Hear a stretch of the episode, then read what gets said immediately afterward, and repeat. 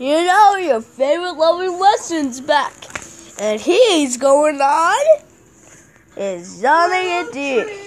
He's going on Anchor.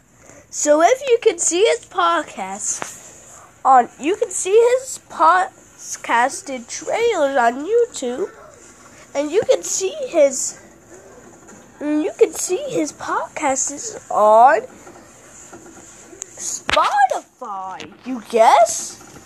So that's why your favorite loving Weston is back. He's not doing songs. He's doing your favorite podcasting. Weston the podcast and it's called LMG. Well, let's see Weston favorite love. Our loving favorite Weston is back. OMG.